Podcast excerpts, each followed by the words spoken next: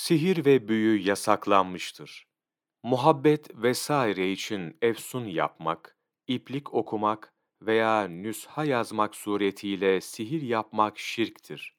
Ebu Davud Sihir, öğrenmeye ve başkasından ders almaya dayanan bazı özel hareketleri yapmakla, kötü ve zararlı bir nefis için meydana gelen olağanüstü durumdur. Böylece sihir, şu hususlarla keramet ve mucizeden ayrılır. Zamana, yere ve şartlara bağlıdır. Kendisine karşı konulabilir. Benzerinin yapılmasına çaba harcanabilir. Sahibi, çoğunlukla dışı ve içi bakımından pistir. Dünya ve ahiretteki özelliği de perişanlıktır.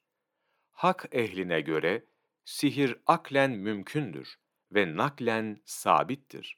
Aynı zamanda nazar da böyledir. Keramet ve sihir arasındaki fark ise şudur.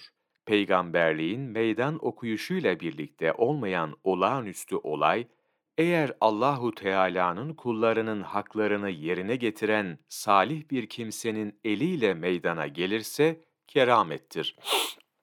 Böyle olmayan bir kimsenin eliyle meydana gelmesi halinde ise sihir ve istidraçtır. Bir de adı geçen salih kimseyi ayırt etmek, gizliliği olmayan açık bir durumdur. Çünkü ne simaları ne de terbiyeleri birbirine benzer. Kaldı ki salih olmayan kişi, yanıltıcı bir kılığa bürünse bile, davranışından veya sözünden yayılan pis koku, muhakkak onu salihten ayıracaktır. Sihrin hükmüne gelince, küfre yol açan hususlardan biri de, içinde güneşe ve benzerine ibadet bulunan sihirdir.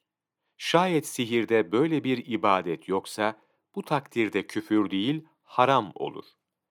Kim bir sihirbaza veya kahine veya yıldızlara bakıp gayipten haber veren kimseye gider, ondan bir şeyler sorar ve onun söylediklerini de doğrularsa, Nebi sallallahu aleyhi ve selleme indirilmiş olanı inkar etmiş olur. Heysemi Bir şeyin zararından korunmak için okunacak dua. Bismillahillezî lâ yedurru me'asmihi şey'ün fil ard ve lâ fissemâi ve huves-semîyul alîm. Bu dua sabah akşam üç kere okunursa okuyana bir şey zarar vermez. Tirmizi Resail-i İbni Abidin Sayfa 488 5 Mart Mevlana takvimi